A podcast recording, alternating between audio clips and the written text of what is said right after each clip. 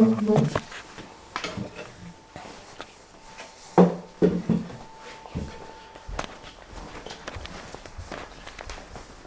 är hemma i Daniel Sjölunds föräldrahem. Här, här såg vi olika. Sen var det en dörr hit och en dörr dit. Peter var till vänster och, och, och Daniel till höger. Det var en vägg här alltså emellan. Så vi tog bort väggen och gjorde ett rum nu. Så det har förändrats lite med åren. Pappa Stefan visar mig runt. Han visar mig barnens alla tre rum. Storbror Peter och lilla syster Annika som båda två också blev fotbollsproffs. Precis som Daniel. Finns det någonting från deras tid kvar? Det finns en kaffekopp med Djurgårdens logga i ett skåp. Och bakom ett skrivbord så hittar jag en tavla som är inramad och lite sprucken. Ja, det är det ja. Det är en lagbild från 20 år Det är sedan. det, är det faktiskt. Det tänkte jag inte på. Så... Här är hela gänget. Det är bra mycket stjärnor här. Det står väl namnen här nere. Jag ser han inte. Vart är han? Mm. Jag tänkte se vad är det för rispor men... Ska se. Där är han. Så ung han ser ut. Tycker du det? Jo. Är inte du Ja, det? ja det, är, det är så. Bilden är av Liverpools A-lag som Daya lirade i när han var 17. Rummet innehåller en gnutta av hans karriär som sträcker sig över 20 år. Men vi börjar hemma på gården i Pålsböle där Daya umgicks tätt och intensivt med sina vänner. Barndomsvännen Janni Lyski berättar. Det jag kanske minns allra bäst var att vi var väldigt mycket utomhus. Vi, vi hittade på massa hyss men framförallt så spelade vi fotboll och, och någonstans så spelade vi mot varandra och mot andra kompisar och med varandra och, och nötte väl ut gräsmattan här i, i många omgångar och det spelade liksom ingen roll om det var vinter eller sommar utan vi, vi körde på oavsett väder och, och ja, det var mycket fotboll. Det var på baksidan av gården hemma hos Daja som det spelades fotboll. Det tävlades i allt möjligt för att se vem som var bäst. Barnen började bygga plank på egen hand för att ha någonting att skjuta mot. Du hör Janne Lyski igen. Ja, vi byggde ett nytt plank eller eh, ska vi säga så här, jag tror att vi byggde många, må, många plank. Eh. Jag har byggt många plank och fotbollsmål i, i mina dagar och, och också tillsammans med Daja och, och ja, de, de, de tenderade att på något sätt, eh, det tog längre att bygga dem och, än att skjuta sönder dem. Att det var, jag tror att våra byggtekniska färdigheter på ett sätt var lite sämre än våra ja, sparktekniker så att säga. Så, så det byggdes upp och, och, och, och det raserades ganska, ganska snabbt faktiskt. Men hur förstördes de? Nej, det var ju, det, på den tiden gick det ut om på att, att bomba som man kallar det och skjuta så hårt som möjligt och så planken tenderade att gå sönder och Jag har hört att det kunde bli så stora miner att man gick iväg och försvann en halvtimme i sträck. Ja herregud, alltså grejen var den att jag vet inte hur många gånger både jag och Daniel har liksom man, det liksom brinner fullständigt och så sticker man iväg och så, så kommer man inte på flera timmar eller till och med dygn tillbaks liksom. Men så allvarligt som det låter, det var det inte tycker Daniel. Det var en del av att växa upp och sportintresset i sig gör det naturligt att man vill vinna. Och det var ju det man gick in för. Det var väl sällan tror jag som man gav sig och missade med flit. Men, men där också så, så vill man ju ha en utmaning. Blir det för lätt så är det inte heller lika kul. Och därav så ska man tävla så drar man sig lite till dem man får en utmaning av också. Daja började tidigt att tävla med spelare som var äldre. Han fick representera Åland i distriktslagen för 80 till 83 och började som 15-åring att spela för IFK Mariehamns A-lag där han upptäcktes av Tommy Söderström, scout för Brommapojkarna. Jag stod på Stadshagens IP och såg Mariehamn möta Brommapojkarna i A-lagssammanhang där. Och då, var det, då stod jag av en slump bredvid hans pappa nere vid hörnstolpen där. Och vi började snacka sådär och, och, om han, att han hade sin son där. Och, och aha, 15 år, man blev liksom så här, det var tidigt. Och så sa han att hans äldre son hade, bodde i Uppsala och plugga och eh, spelade i Sirius. Och då frågade jag om även den andra killen då, Deja skulle gå den här vägen. Och då sa han att det skulle han. Och, och då tror jag att eh, vi åkte över den 2 januari. Och sen så sov vi över på Pommen hotell och så träffade vi han dagen efter på hans pappas jobb. Och då satt jag, tror jag, jag tog fram en sån här eh, saltkaret. Och det så här i A-truppen. Och så tog jag pepparkaret här i U-truppen. Och, och så tog jag något annat där, så här i U17. Men Deja, du ska spela i A-laget. Om du är intresserad av det så, så får du gärna komma över om nästa vecka och, och köra ett pass med A-laget och ska vi visa dig runt. Och det, det sa de ja till och kom över eh, och tränade med A-laget. Sa jag så att du får bestämma dig fort för vi har många på listan eh, som är in. Och så ringde han den på några dagar senare och sa ja, nu har vi bestämt oss. Och då lät det ungefär som att ja, nu har vi bestämt oss. Att jag tänkte att det var att det inte blev så, att han tog de andra klubbarna. Då sa de att de väljer BP. Jag tror att han spelade fyra matcher på bänken i A-laget eller något sånt med någon inhopp och någon reservlagsmatch. Sen var det uppehåll lite, så åkte de Finland till Nordisk pojk och Nordisk pojk, där vann ju Finland för 83 och Deja blev ju skyttekung och allting. Så eh, det, det in på faxen som var på den tiden med olika klubbar som ville ha honom. Så, så sålde vi honom sen. Klubben som köpte Sjölund från BP var engelska West Ham. Övergången gick på 2,5 miljoner svenska kronor. Ålands Radio intervjuade Daja när det blev klart att han skulle flytta till Londonklubben. Hur känns det så här nu när det är klart att du ska börja i West Ham? Det ska bara bli spännande. Du har skrivit på ett treårskontrakt. Ja. Vad har du för förväntningar på det här? kommer nog bli bra tror jag. Så bra ut när vi var över förra veckan. Allt verkar nog bra. Vad var det som gjorde att du skrev på? Vad ska man säga? De har väl fostrat upp många unga spelare också. Och är kända för det. Så att det verkar vara en bra klubb. Ännu ett steg framåt hoppas jag. Hoppas man att man blir bättre och bättre va. Det är väl det det går ut på egentligen. West Ham och Sjölund skrev ett treårskontrakt där han fick ta ett steg bakåt från A-lag till U-lag. Men det var en möjlighet som han kände att han inte kunde tacka nej till. Klubbdirektören i West Ham, Graham Mackerel, trodde att det fanns enorm potential i då 16-åriga Daniel Sjölund. Well, Daniel is a, obviously an exceptional talent. He is um, potentially, I think, one of the best young players in Europe. And West Ham have a very active youth policy in that uh, you know we've got we've got a very successful youth team. We won the English FA Youth Cup last year and the Under 19 League, and players have um, you know are encouraged to play as, as young players in in the, in the first team. So uh, you know I think it's an ideal ideal for Daniel. He knows he's going to get an opportunity here. What do you think of him as a player? I think he's I think he's a very good player. I think that uh, you know I think that he's got a lot of potential. You know, obviously it is potential. He's not the finished article at 16 years old, um, but uh, you know we're hopeful that uh, you know coming to, coming to West Ham and you know operating on on like the basis that we do here. I think that. Uh, you know, we have in England, we possibly don't play our players as much, you know, in which we feel, you know, Daniel at the moment has been playing three or four times a week, which possibly for a 16-year-old is too much, you know, from there. But that's obviously not my decision. But now we're now he's now he's with West Ham. You know, he will be nurtured along, and hopefully will fit into our structure, you know, and will fit into our youth operation. Uh, which are your expectations of him?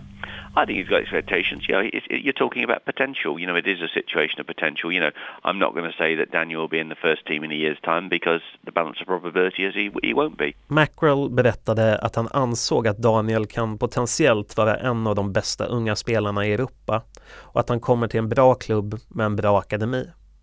Men han vill inte heller lova för mycket och säga att Daya kommer lira i A-laget om ett år för att sannolikheten talar emot det. Men hur kom det sig att lotten föll på just West Ham för Daja?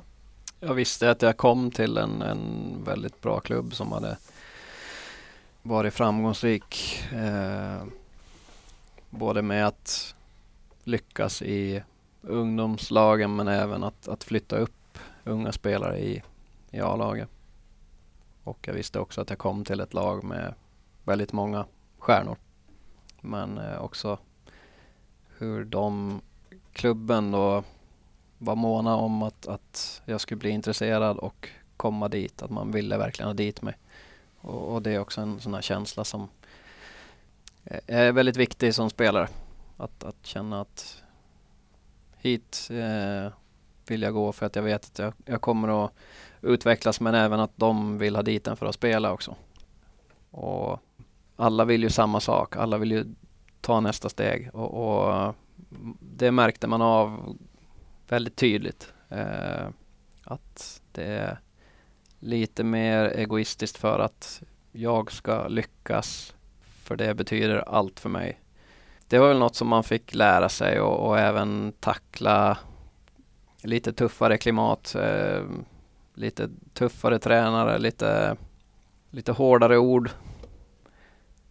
Det var ändå inget konstigt utan det var väl en, en bild av England som man hade också. West Ham hade vid tillfället en fantastiskt bra akademi. Spelare som hade tagit steget upp till A-laget var bland annat Joe Cole, Rio Ferdinand, Michael Carrick och Frank Lampard. Men han som Daya fick bilda anfallspar med i U-laget, det var Jermaine Defoe. Otrolig avslutare. Kunde göra mål på alla möjliga sätt. Funkar väldigt bra ihop och, och, och där kände jag väl sådär att det bästa för laget är att han får avsluta för han är bäst på det. Och jag gjorde en del mål också sådär men, men jag märkte från tränarhåll att det, det är väldigt viktigt att jag också gör mål. Det, det var väl också en, en lärdom på något sätt men jag, jag tycker fortfarande att, att, att det viktiga är att laget fungerar på bästa sätt. Eh, att, att vi tillsammans vinner matchen. Vem som avgör den är egentligen oviktigt. Men som ungdomsspelare då att, att ta nästa steg så, så blev det på något sätt att jag behövde bli mer egoistisk. Vilket var lite svårt just då. Daja gjorde tre mål i de tre första matcherna som han fick spela och sen avtog målproduktionen något. Men U19-laget i West Ham vann FA Premier Youth League och Daja fortsatte att vara en viktig del i Finlands ungdomslandslag. Det var så där jag tror att Liverpool fick upp ögonen för honom. Sammy Lee var ju coach i Liverpools A-lag men även med engelska U21-landslaget. Vi mötte ju England i en eh, U21-landskamp i Finland där vi spelade 2-2 tror jag. Och jag gjorde båda målen. Jag tror det var efter det sen som jag blev värvad. Så jag tror att han hade mycket med i spelet och det gäller den värvningen. Säsongen slutar och West Ham får ett bud på en miljon pund och Daya kallas in till manager Rednaps kontor. Jag hade ett möte med Harry Redknapp då eh, som var manager för West Ham. Han eh, bad mig komma till hans kontor och så eh, sa han att, att Liverpool har kommit med ett bud på det och, och vi från West Hams sida är beredda att ta det budet om, om du själv vill gå. Det var eh, också ett, ett steg i min karriär som jag ville ta. Jag fick ett A-lagskontrakt eh, med Liverpool som jag följt under många år tidigare och var en supporter till. Men även då att, att det här steget från ungdomslag till A-lag sker egentligen automatiskt i, i den här transfern. Jämför man de båda A-lagen så är det väl klart att, eh, att ta sig fram i West Hams A-lag eller in i A-truppen eh, hade kanske varit ett bättre val på något sätt. Att, att få chansen att spela i A-laget också hade varit större. Men samtidigt så kände jag också att det är svårt att tacka nej till det här. Daya går från att försöka ta sig in i ett A-lag som ligger i mitten av Premier League till att börja träna med Liverpools A-lag som siktar på en topp 3-placering och därmed också möjligheten till spel i Champions League. I laget fanns de två finska landskompisarna Jari Littmanen och Sami Hyppie. Uh, Hyppie var den där när jag kom. Han uh, bjöd hem mig på middag och, och tog hand om mig på träningsanläggningen och, och visat ett, uh, ansvar som var, var tryggt också. Jag tror det finska bandet spelade in uh, en del. Sen är han ju en väldigt uh, omtänksam person. Visst såg han till att, att alla trivdes och att även andra unga spelare kom in. Men jag kände väl ändå direkt när jag kom dit att, att han eh, hade ett intresse också av att, att jag var en finsk spelare som kan spela ihop i landslag och, och sånt framöver, vilket vi gjorde också. Och Littmanen kom ju in eh, lite senare då under min tid i, i Liverpool. Men eh, upplever också att han betytt väldigt mycket och, och hjälpt till väldigt mycket med sin erfarenhet. Just att, att slå igenom som ung och, och, och ta sig framåt. Det kan vara en ganska tuff miljö. Men att, att träna med, med forwards som Michael Owen och Heskey, Anelka, Fowler. Det fanns några att lära sig av. Och, och det kändes lite konstigt igen, till en början då att, att eh, eh, träna med sina idoler men efter ett tag så vänjer man sig med det också. Och försöker man se och, och lära sig av dem. Första säsongen i Liverpool går bra. Daya tränar med A-laget och får sina minuter i matcher med både U19 och reservlaget. Han blir till och med uttagen av Holier att vara med som en del av laget inför matchen mot Roma i Uefa-cupen utan att komma med i den slutgiltiga truppen. Säsongen slutar och Liverpools U19-lag vinner sin serie. A-laget slutar trea i ligan och vinner finalen i Uefa-cupen mot Alaves.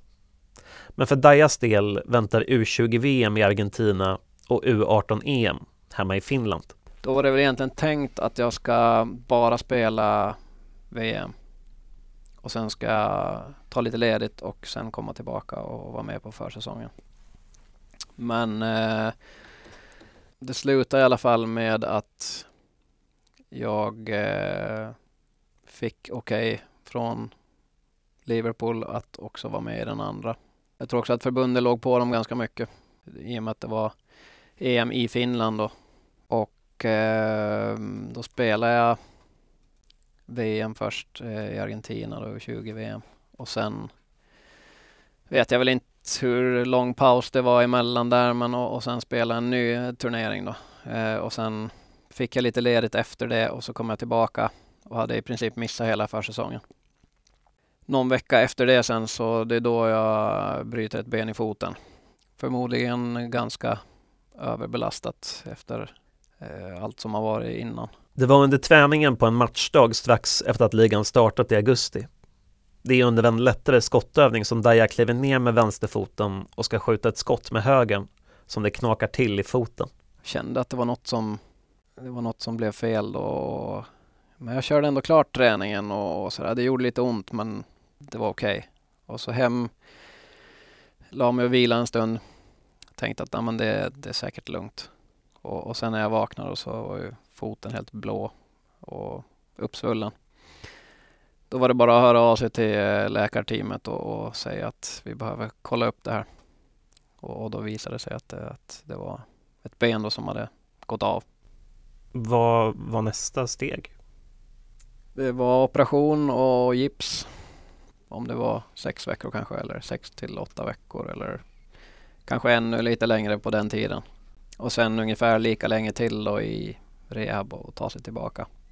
Jag hade egentligen aldrig varit skadad på det sättet innan heller. Och i mitt huvud då så eh, trodde jag att det var bara att gå ut på plan igen och, och köra och tro att man ska vara i, i samma form igen. Men eh, det visade sig ju ganska snabbt att tajmingen var fel, orken var mycket sämre och eh, eh, jag hade svårt att hänga med helt enkelt i tempot.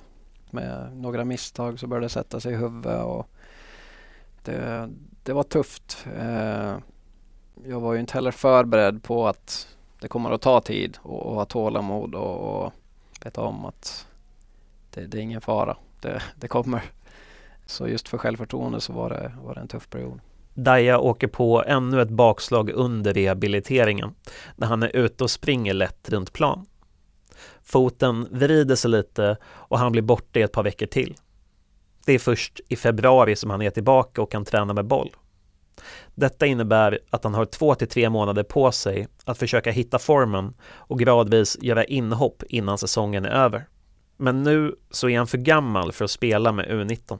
Och då eh, tränar med A-laget men slutade med att jag satt på bänken i reservlaget. Så från att spela två matcher i veckan egentligen så sitter jag på bänken nu istället en match i veckan.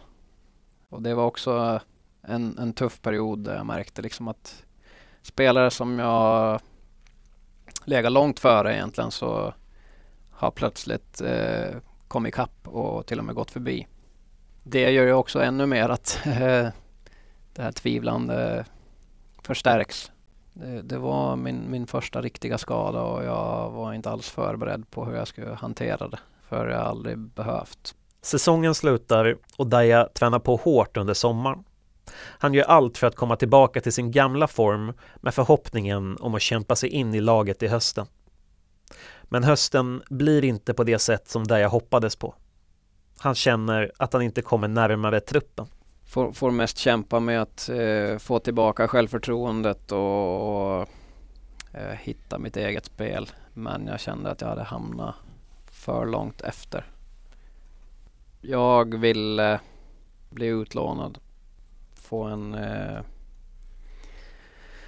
en ny tändning och hamna i en ny miljö där jag kan börja om lite grann. Men jag kände ändå att eh, när jag fick chansen att gå till Djurgården och, och, flytta tillbaka till Stockholm så kändes det helt rätt. Och ett steg för mig också att backa bandet lite. Tillbaka lite närmare hemma och, och tryggheten. Du kommer till Djurgården då. Vad har du för målsättning? Målsättningen är att ta en plats i Djurgården.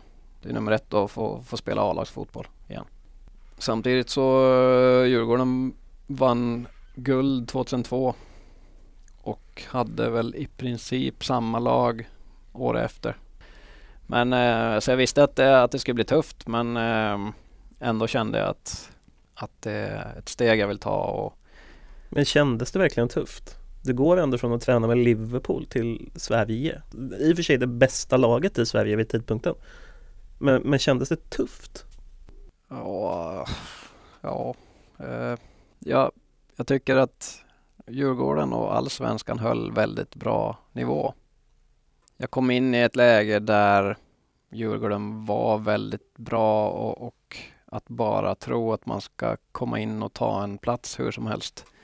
Det visste jag att det, det kommer att krävas eh, att jag hittar tillbaka till mig själv och, och får tillbaka det självförtroende som jag hade haft tidigare. Men också att det finns en enorm möjlighet att komma till ett lag som redan fungerar väldigt bra. Djurgården 2002 vann SM-guld och fick behålla många av sina spelare till 2003.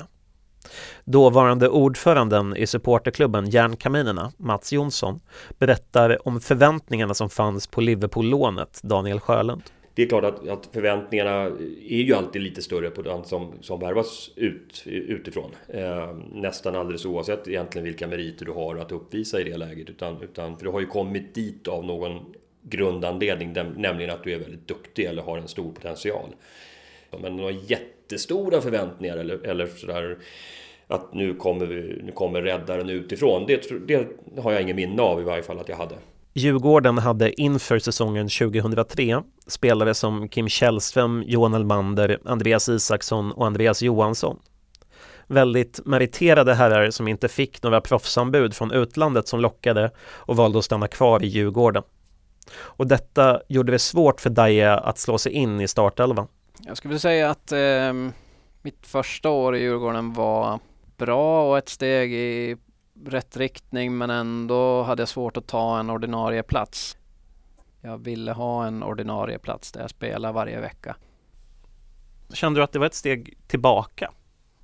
Både och. Eh, ett steg tillbaka om man jämför då med A-laget i Liverpool. Men samtidigt så spelar jag aldrig på det sättet heller i A-laget där. Så eh, att komma tillbaka till Sverige och spela allsvenskan i Sveriges bästa lag kändes eh, ändå som ett jättebra steg för att kunna ta klivet ut i någon större liga igen sen. Men 2003, ja. första matchen, ja. det gör mål. Ja. Berätta. Eh, satt på bänken och fick hoppa in mot Elfsborg. Så det var min, min premiär på Stockholms stadion. Din första touch gör du mål på? Eh, och med högern också. Jagas av Samuelsson. Elmander är snabbare, mycket snabbare. Det är bort till stolpen i Sjölund. Sjölund får bollen, han är fri med målvakten, han skjuter i mål! Fanns det någon match under 2003 som stack ut extra mycket? Eh, derbyt mot Hammarby. Vi båda ligger i toppen och eh, fullsatt Råsunda. Eh, viktiga poäng på spel och eh, det hände en hel del. Och det hände verkligen mycket. Djurgårdens Samuel Vovoa nätade två gånger och Bayerns Pablo Pinones Arce svarade och kvitterade två gånger i första halvlek. I andra halvlek får Kim Källström ett rött kort och blir utvisad. Detta leder till att Djurgården måste spela med tio man i närmare en halvtimme. Tio minuter efter Källströms utvisning tar Carl-Oskar Fjörtoft i Hammarby obegripligt bollen med handen och får sitt andra gula. 18 minuter plus tillägg är kvar och båda lagen är nere på 10 man. Vid utvisningen så låg jag ändå kvar som, som forward och försökte väl bara kontra om chansen, chansen gavs men målet är ju en typisk sån situation där bollen hamnar centralt och Andreas Johansson skarvar den vidare. Så blir jag fri med målvakten egentligen och går runt och, och sätter in den. Daniel Sjölund, nu kan det avgöras. Daniel Sjölund gör 3-2. Vilken skarvning av Andreas Johansson och vilken fin löpning igen av Daniel Sjölund. Och så överraskande. Det blir lite speciellt för eh, så i det målet som, eh, eh, som vi gör 3-2 så, så är jag på Hammarbys sida. Och, så det känns väldigt tyst. Eh, vilket kändes lite konstigt. Man springer ut mot läktaren men ändå känner man att nej, det jublet är liksom långt där borta och lagkamraterna springer emot en och ja, vi jublar tillsammans men det, det kändes väldigt tyst med tanke på hur eh, stämningen hade varit under hela matchen då, med många mål och utvisningar och mycket ljud överhuvudtaget. Matchen var väldigt viktig och hjälpte Djurgården att vinna SM-guldet 2003. 2004 blev det kval i Champions League mot Juventus och guld i Svenska Cupen. Och där jag trivs väldigt bra i Djurgården, men han känner att han inte lyckats prestera på en stabil nivå under en längre tid. Så 2004 blev egentligen liknande år. Nu har jag ingen statistik exakt men jag hade svårt att, att ta en ordinarie plats. Eh, vändningen blev egentligen 2005 där jag fick en liknande start som tidigare. Men eh, där jag sen fick chansen då som offensiv mittfältare och tog den helt enkelt. Vändningen kommer i matchen mot Malmö 2005. Det är elfte omgången och Sjölund blir inbytt mot Tobias Hysén i den 78 matchminuten. Eh, Jag kände en, en besvikelse också över att inte få starta den matchen. Att jag, jag kommer ihåg känslan att, att gå ut och inte riktigt ha någonting att förlora. Ganska avslappnat sådär. Eh, och eh, försöka ändra matchbilden utan att ha någonting att förlora egentligen. Ställningen var 1-1 och Sjölund skramlade fram hörnan som Sören Larsen nickade in 1-2 på. Malmö skapade lite tryck därefter och på tilläggstid får de en hörna efter en jätteräddning av Padembo Toray. Malmös målvakt Mattias Asper skickas upp och Dembo boxade ut bollen ur straffområdet till Patrik Amoa som sköt på en försvarare. Bollen hamnade hos Sjölund vid mittlinjen och han drog till. Åh, det är öppet mål. Amoa, Amoa kan skjuta! Oj, jag ser det. Sjölund! Ja. Sjölund! I mål! Oj, oj, oj! Vilket mål! 3-1 för Djurgården. Vad säger du om det Ja, avslutet? Helt otrolig avslutning på den här matchen. Jag hade ju kunnat spela tid eller jag hade kunnat tagit smartare beslut egentligen men eh, jag kände att eh, ja, jag går för det.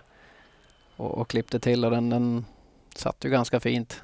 Målet blev utsett till årets mål på Idrottsgalan 2005. Och efter det fick Sjölund starta resterande matcher i Allsvenskan, utom mot Assyriska, då Daja drog på sig ett rött kort i matchen innan.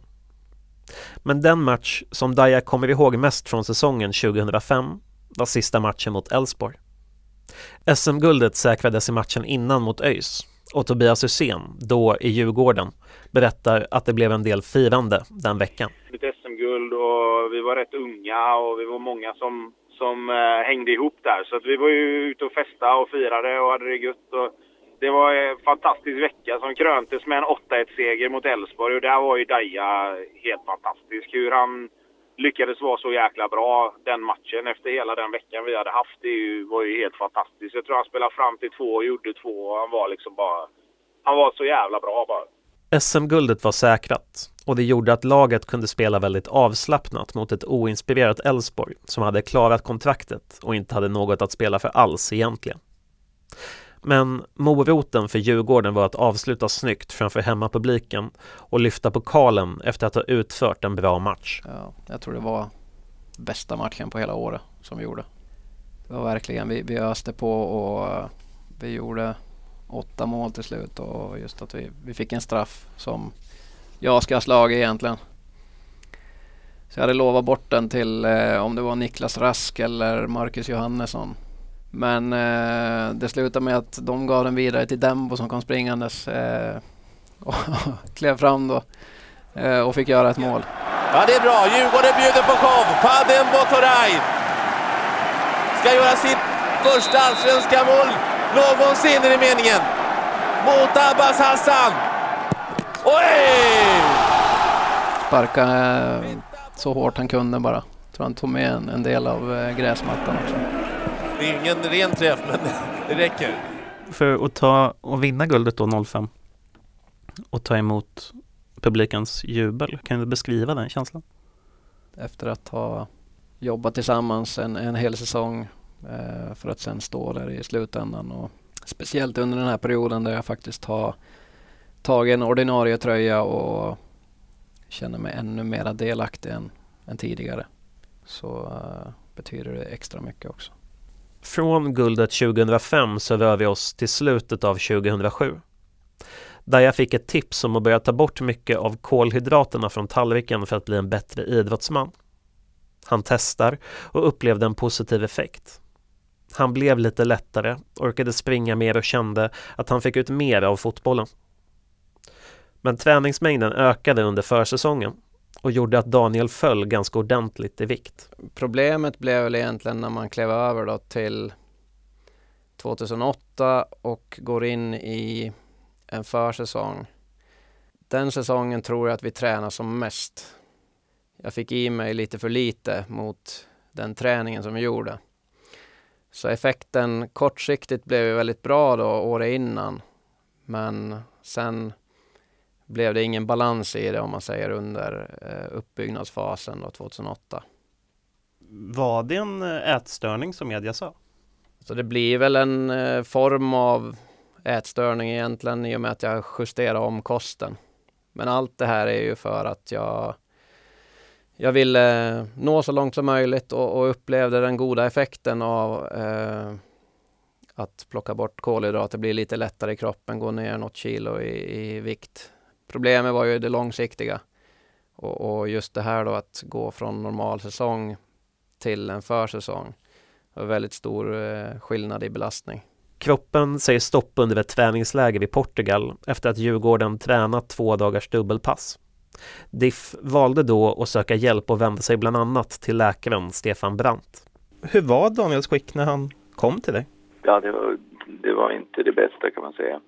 Eh, han eh, var ju inte alls i form och det visste väl alla om och han själv.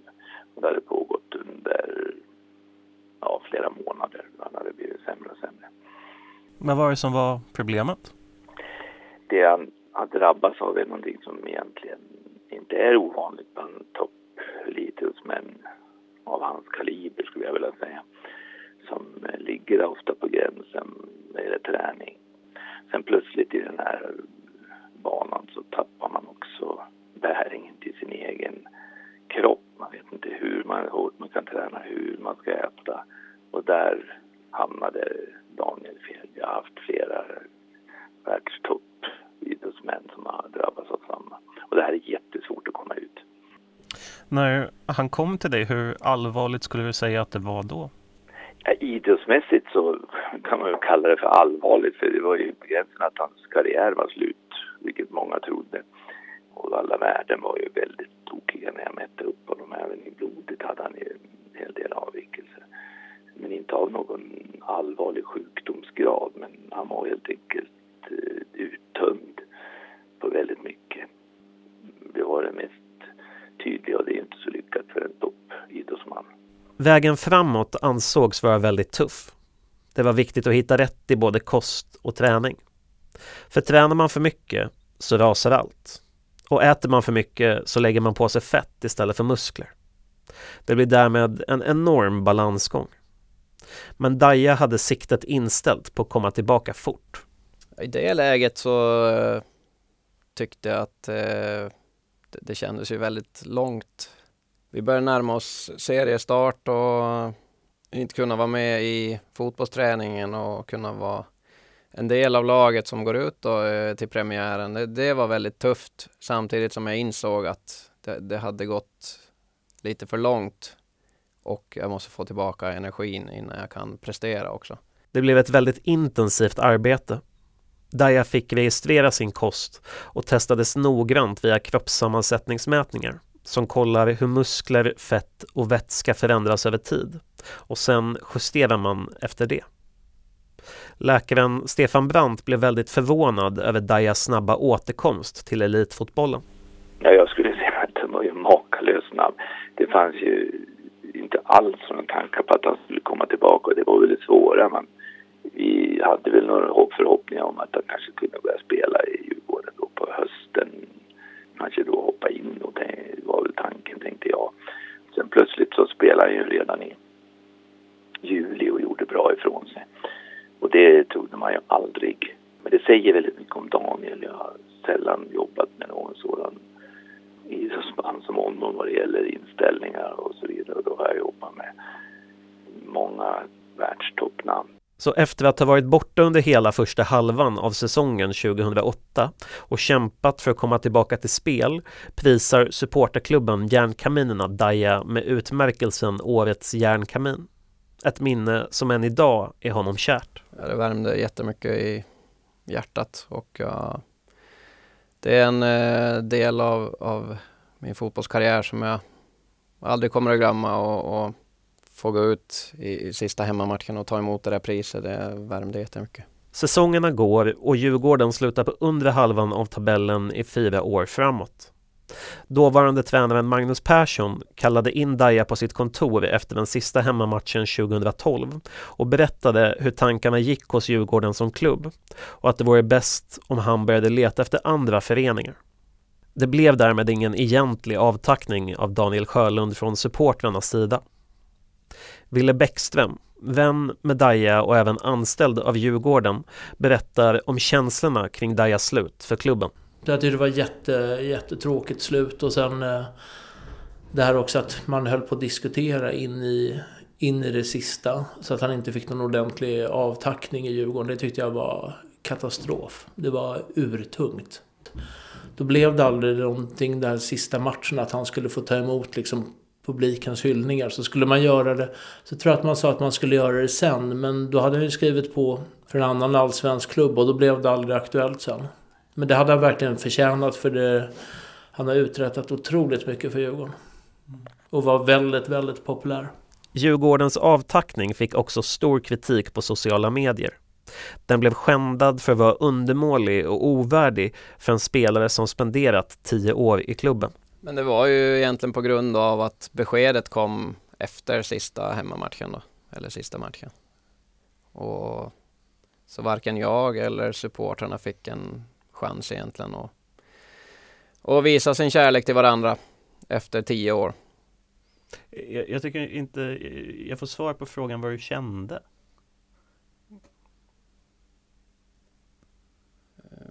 Ja, det kändes tråkigt. Jag, eh, jag vill ju också tacka efter alla år. Att eh, kunna tacka för allt stöd och kärlek som, som de hade gett under de åren och ja, kunna gå vidare på ett lite bättre sätt än, än vad det blev. Däremot så hade vi en middag tror jag med laget eh, där jag fick en eh, en gåva från spelarna. Eh, vilket var, kändes väldigt bra och, och fint av dem. Vad var det för gåva? En eh, whisky. Oöppnad fortfarande. Den betyder väldigt mycket för mig och jag känner att jag, jag vill inte öppna den bara. en fin gåva som får stå i skåpet. Leva med länge. Sjölund ansågs vara på väg nedåt i karriären. Han var 30 år och Djurgården hade inte gått så bra. Det gjorde att det inte fanns ett så stort intresse från klubbarna i allsvenskan som där jag trodde att det fanns. Sportchefen i Åtvidaberg, Mats Karlsson, såg då att det fanns en möjlighet för Åtvid att värva en meriterad spelare. Jag såg väl inte direkt att han var på nedgång då, om vi tittar på ålder och vad han hade för bakgrund och allt. Och det, då tog vi chansen där och det, han, jag tyckte det blev en bra värvning helt enkelt. Hur verkade Daja inställd till transfern när ni närmade er? Jag tror från början att han var lite tveksam för att var, vi var ju ett eh, mindre lag är klart än vad Djurgården och, och jag hade väl hoppats att han skulle avsluta karriären i Åtvidaberg i och med att det eh, snack att han var på väg neråt. Men det visade han ju verkligen inte i Åtvidaberg utan han var klart lysande stjärna och tillsammans med Abubakari som vi hade som mittfältare då så vill jag påstå att Daja och Abubakari var Eh, allsvenskans bästa mittfältspar vid det tillfället. Värvningen till Åtvid blev en nytändning för Daja där han fick börja om lite grann. Pressen utifrån var inte lika stor.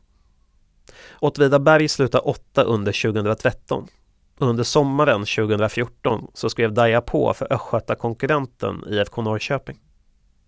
Dåvarande tränaren för Peking, Janne Andersson, får äntligen värva Daniel Sjölund. Jag hade koll på Daja redan som betydligt yngre spelare, redan under min tid i Halmstad. Så vet jag de första åren då hade var det en period där Daja inte platsade i Djurgården och redan då var jag ute och fiskade lite för att kunna värva honom för jag tyckte de var en fantastiskt bra fotbollsspelare. Men det blev inget då, utan då, kom han, då sköt det fart i Djurgården istället. Sen trodde jag, som en del andra, att han började närma sig slutet på karriären, höll jag på att säga. Och, eh, helt plötsligt en dag så hade Åtvidaberg signat honom. Och då blev jag lite irriterad faktiskt på mig själv att jag hade missat, missat den chansen. För då kanske vi hade haft möjligheten att ta honom till Norrköping. Vi försökte ju redan vid köpa loss honom på sommaren 2014 men Norrtid ville ju inte släppa honom. Så att det blev först 1 januari 2015 som han kom till oss. Men, men eh, det blev väldigt bra. Daja tyckte själv att det fanns större möjligheter att nå högre med IFK Norrköping än med Åtvid. Åtvidabergs sportchef Mats Karlsson igen. Jag förstår förstår att han tog det steget för att det är klart att eh, ur en ekonomisk och storlek på klubb så var det ju en I så här i efterhand får jag väl säga att det var rätt för, för honom i det här fallet. Det visar ju sig att han var långt, långt ifrån slut i alla fall. Daja skrev på för Norrköping sommaren 2014 men släpptes inte av Åtvid förrän 1 januari 2015. Åtvidaberg gick bra under säsongen och låg på säker mark men Norrköping krigade kring nedflyttningsstrecket och Daja kunde därmed spela i superettan om Peking inte höll sig kvar. Men chansen att få spela ett lag med många unga som hade stor potential lockade mer. Då tänkte jag att i längden så kommer Norrköping att ha den där chansen att, att ta sig upp i toppen igen. Medan det är en enorm utmaning för Åtvidaberg att, att ta sig upp. Så tänkte jag också att det börjar närma sig slutet på karriären och här måste jag vara lite egoistisk och tänka på mig själv. Norrköping behövde alltså mer erfarenhet för att kunna klättra högre upp i tabellen och Daja hade viktiga egenskaper som tränaren Janne Andersson behövde och letade efter.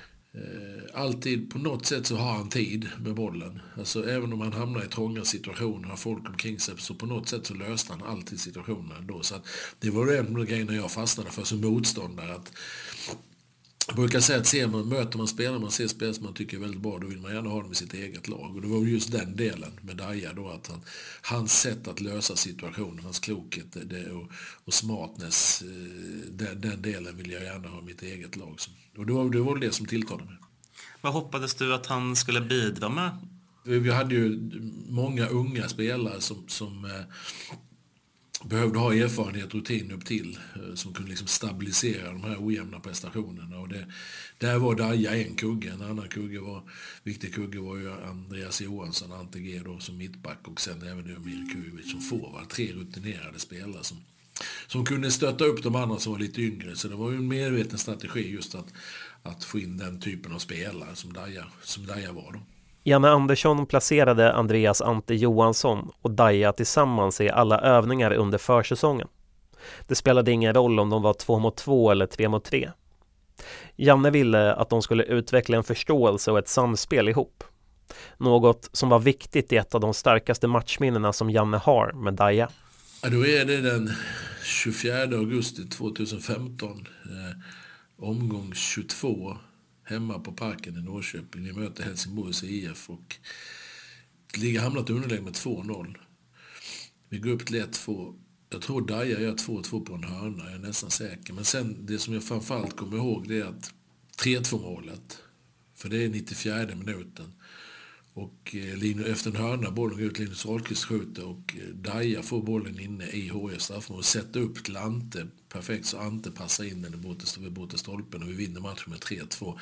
Och det är en sån där sekvens där Ante och Daja, deras lugn och smartness i avgörande situationer gjorde att vi vände och vann den matchen som sen visade sig vara en jättenyckelmatch för, för guldet när det skulle komma så småningom. Så det är väl en sån match som jag den, den har för mig fastnat ordentligt och där var ju Daja en av arkitekterna i den matchen. Daja minns själv matchen väldigt tydligt och hur viktigt det var att ta tre poäng i matchen för att haka på i toppstriden med AIK och IFK Göteborg. Det, det fanns liksom ingen tanke på att ta med sig en poäng utan eh, det var ösa på framåt och få med sig tre. Och det, det, Janne Anderssons ledarskap byggde väldigt mycket på det. Att våga och inte vara nöjd utan vi, vi går för seger. Med det då och trycket på läktarna, vi får in en boll och nu, nu har vi lite tid kvar. Det är ju egentligen först efter 3-2 som man eh, firar och är glad för det och försöker, ja men nu handlar det om att spela tid och bara ta med oss tre poäng här. I slutet, efter att alla matcher var spelade, så blev det just tre poängs skillnad mot tvåan IFK Göteborg. Av de sista nio matcherna i Allsvenskan 2015 vinner Norrköping åtta av dem och tar hem SM-guldet. Det tredje i ordningen för Daja. Daniel Sjölund, det här är ju det är vardagsmat för dig. Det är tredje guldet. vardagsmat vet jag inte. Det, det var några år sedan. Men eh, jag sa precis det här innan också att eh, förväntningarna i år så är det klart att vi eh, visste att vi, vi har stor potential att göra en bra säsong men eh, att stå här med SM-guld idag känns helt ofattbart. Snackade ni i de termerna överhuvudtaget på försäsongen? Vad sa du? Snackade ni i de termerna överhuvudtaget på försäsongen? Nej, vi, vi hade inte så, eh, man säger långsiktiga mål på det sättet utan vi, vi har hela året fokuserat på och göra det så bra som möjligt helt enkelt och titta på nästa träning, nästa match hela tiden och eh, det, det är också en av eh, anledningarna tror jag. Norrköping kommer trea 2016, sexa 2017 och under 2018 fick Daja inte spela så mycket. Han skrapade ihop åtta matcher men han fick en minst sagt sagolik avslutning inför hemmapubliken med sitt enda mål för säsongen. Avslutningen blev ju helt fantastisk. Um då jag egentligen, jag visste om att det var min sista hemmamatch och eh, sen när jag värmer upp där och, och, tänker att ja men visst måste jag få komma in sista matchen, alltså eh, annars blir det samma igen. Men i det här läget och så, så får jag komma in och det är ja, väldigt lite tid kvar. Eh, så egentligen känner jag ju först att jag är besviken för att jag får, får hoppa in så sent. Men eh, varför ska jag gå ut på plan och vara besviken och missnöjd? Utan gå in och köra och försöka vinna matchen bara. Eh, och sen ja, sluta det med ett mål och, och vinst och chans då i sista omgången att faktiskt ta hem guldet igen. Hur är det att ta emot jublet från Kurva Nordahl i det läget? Otroligt. Jublet och, och eh, kärleken till supportrarna och, och laget.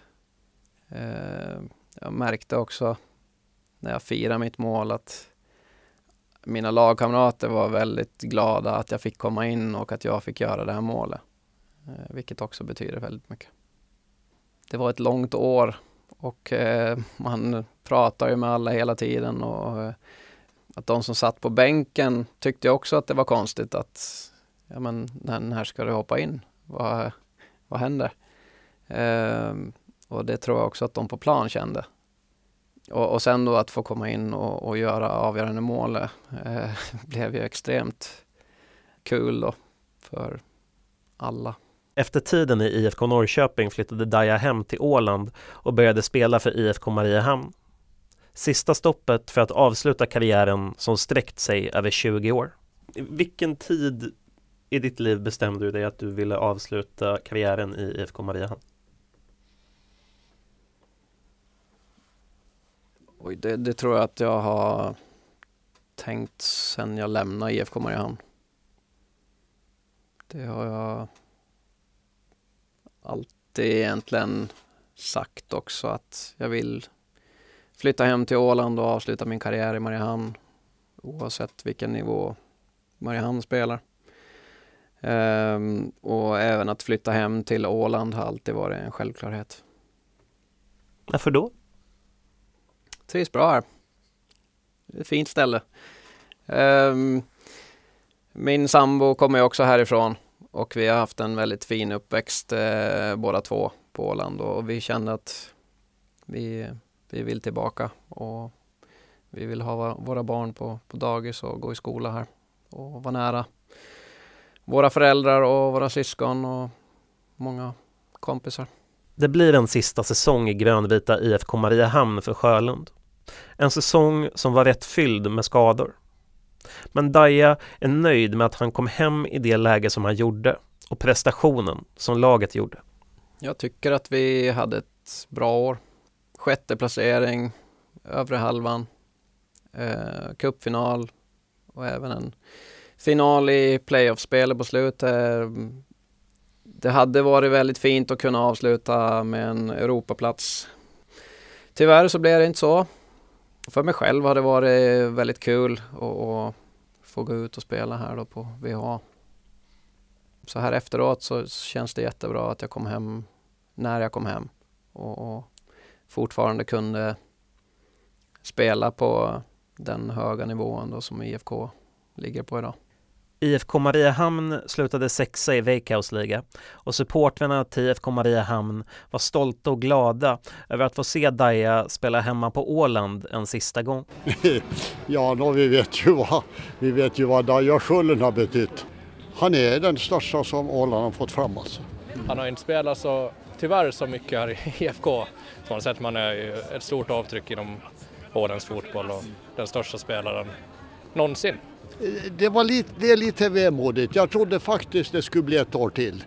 Men som man säger i alla intervjuer att kroppen bör ta lite stryk. Så vi får tacka, buga och bocka för det som har varit. Daja prisas på avskedsmiddagen som årets mittfältare. Och klubbdirektören för IFK Mariehamn, Peter Mattsson, har följt hans karriär och hade kämpat för att få hem Daja till Åland igen. Att ni kunna komma tillbaka till, till Mariehamn och spela nu då en säsong. Jag hoppades på flera säsonger, men eh, du har ju bestämt på att eh, så har du bestämt att du lägger skorna på hyllan. Alla, alla människor som sitter här och är här ikväll vet ju var, vad Daja har gjort. Han har varit en stor ambassadör för Åländsk fotboll, för Mariehamn och eh, Ålands bästa fotbollsspelare genom tiderna. Och jag är glad återigen att du, du i alla fall kom hem och, och spelade en säsong med oss. Och jag önskar dig lycka till där med vad du än kommer att göra i framtiden. Tusen tack!